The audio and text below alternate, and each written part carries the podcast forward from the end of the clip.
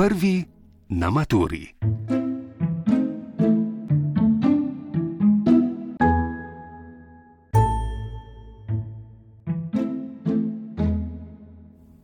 Maturitetni izpit iz slovenščine je sestavljen iz treh delov: razčlembe neumetnostnega besedila, eseja in ustnega dela izpita, a vsi trije deli niso enako vrednoteni. Esej prinaša 50 odstotkov, razčlemba 30 in ustni del 20 odstotkov celotne ocene. Pisni del pri razčlembi kandidati pišejo uro in pol. 90 minut pravzaprav ni tako malo, pa tudi zelo veliko ne.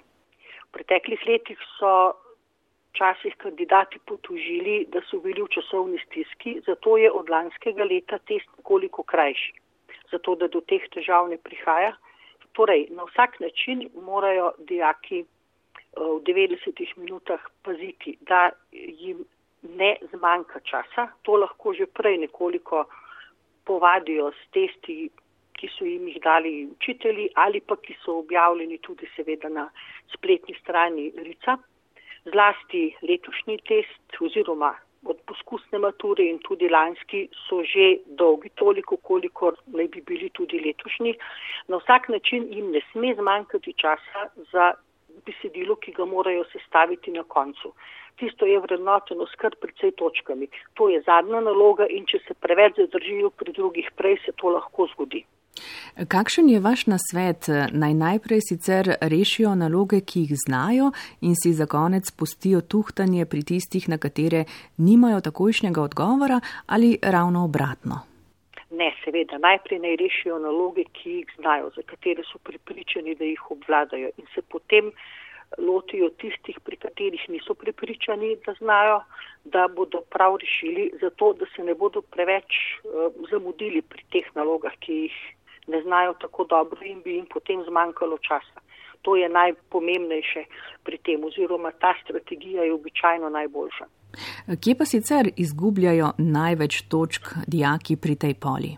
To je zelo odvisno. Veliko krat izgubljajo pri zadnji nalogi zaradi pravopisnih težav, tam se zelo strogo ocenjuje. Vsaka jezikovna napaka je običajno ena točka dol in se to kar pozna. Drugače so pa lahko problematične tudi naloge tako imenovane naloge po smislu, torej da mora dijak tvoriti poved uh, in se potem ocenjuje tudi jezik, mora precizno prebrati navodila, zato da lahko tudi precizno odgovori. Pri takih vprašanjih je največkrat težava. Nečitljiva pisava, nečitljivi odgovori, zna tudi tukaj biti težava. Zna biti, ja. Če je nekaj napisano tako, da ocenjevalec res ne more razločiti, končnice, recimo, kaj je počrtano, kako je počrtano pri takih nalogah, kjer je to bistvo vprašanja, seveda te naloge ne more oceniti in jo zato ne oceni. Torej, kandidat ostane povsem brez potrebe, brez točk pri taki nalogi. Kako pa je s predelovanjem starih maturitetnih pol? Nekaj ste že omenili. Je to koristno, da se maturanti lotijo zdaj tudi tega doma? Je to dobro? To je vsekakor dobro. Na ta način dijaki pridejo v stik s testom, kakršnega bodo reševali na maturi, lahko vidijo, kakšne besedila pridejo v poštev, lahko seveda se seznanijo na ta način z vprašanji, kakšna bodo, torej s tem, kako so formulirana vprašanja, zato da se potem na maturi ne ukvarjajo s tem, da ne naletijo na neka povsem drugače zastavljena vprašanja, kot so jih vajeni. Na vsak način seveda če rešijo dijaki več takih testov, je to gotovo pametno. Na ta način ponavljajo snov, na ta način vidijo, česa mogoče ne znajo, se potem posvetijo ponavljanju tistega dela snovi. Zlasti seveda je pomembno, eh, da dijak ne samo, da pogleda v rešitve in vidi, aha, jaz pa tega nisem rešil prav, mora vedeti, zakaj ni rešil prav. Drugi pisni del maturitetnega izpita iz slovenščine je šolski esej, o tem več v sredini rubriki prvi na maturi. Profesorica Janja Perko še nekaj besed pa zdaj nameniva ustnem delu, ki torej prinaša 20 odstotkov ocene, glasno branje ter vprašanja in naloge ob predloženem literarnem oziroma polliterarnem besedilu ali odlomku čakajo na kandidate, kaj je tisto, na kar ste pri tem delu še posebej osredotočeni ocenjevalci? Torej, kot ste že rekli, na eh, listku, ki ga kandidat dobi pri ustnem preverjanju znanja, pri ustni maturi, je prva naloga branje pesmi, označenega odlomka, denimo, potem sledi vprašanje v zvezi s tem besedilom, s tem avtorjem eh, in potem je še tretje vprašanje, ki je bolj pregledno. Torej, recimo razvoj posameznih književnih vrst in zvrsti, potem recimo posamezna obdobja ali kaj podobnega. Torej, pomembno je, da zna dijak sklenjeno kot rečemo po domače, z glavo in z repom odgovoriti na vprašanje, da se zna organizirati, da zna v tistih minutah, ki so mu na razpolago, pač podati nek sklenjen odgovor. Pomembno je seveda tudi, kakšen je njegov način komunikacije in kakšen jezik uporablja pri tem. Ali lahko kandidati listek z vprašanji zamenjajo, se zato morda celo odbije kakšna točka?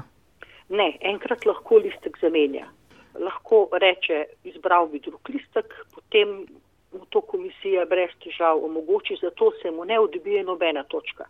Vendar pa potem ne more več zamenjati listka. Mhm. In tudi ne more reči, primislil sem se, bi raji prvega nazaj. Mhm. Ne, če se odloči za zamenjavo, potem mora vzeti tistega, ki ga potegne v drugem poskusu, ne glede na to, če morda tisto vprašanje zna še slabše. Zato se zna, recimo pri nekom, ki je bolj slabo predelal snov za ustni izpit to maščevati. Morda je drugi listok še slabši, so vprašanja na njem, ki jih obvlada še slabši kot pa tiste na prvem listku.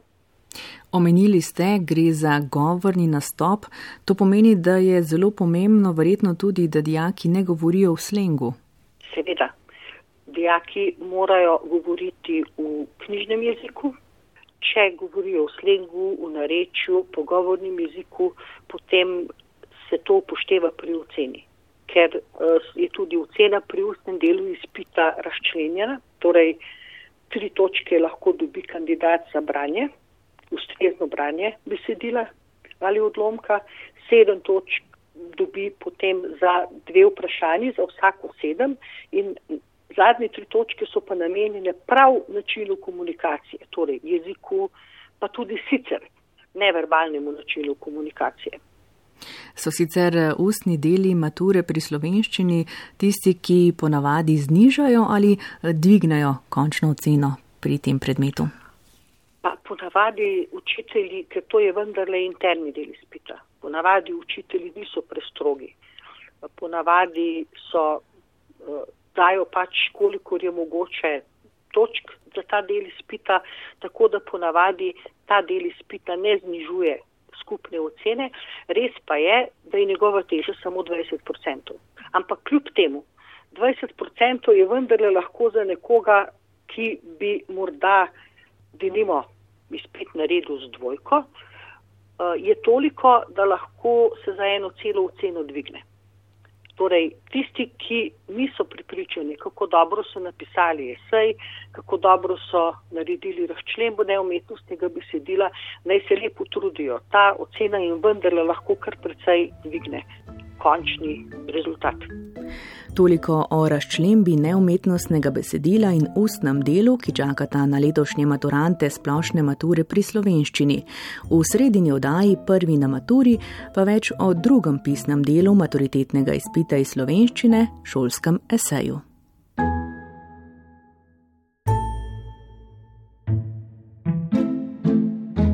Prvi na maturi.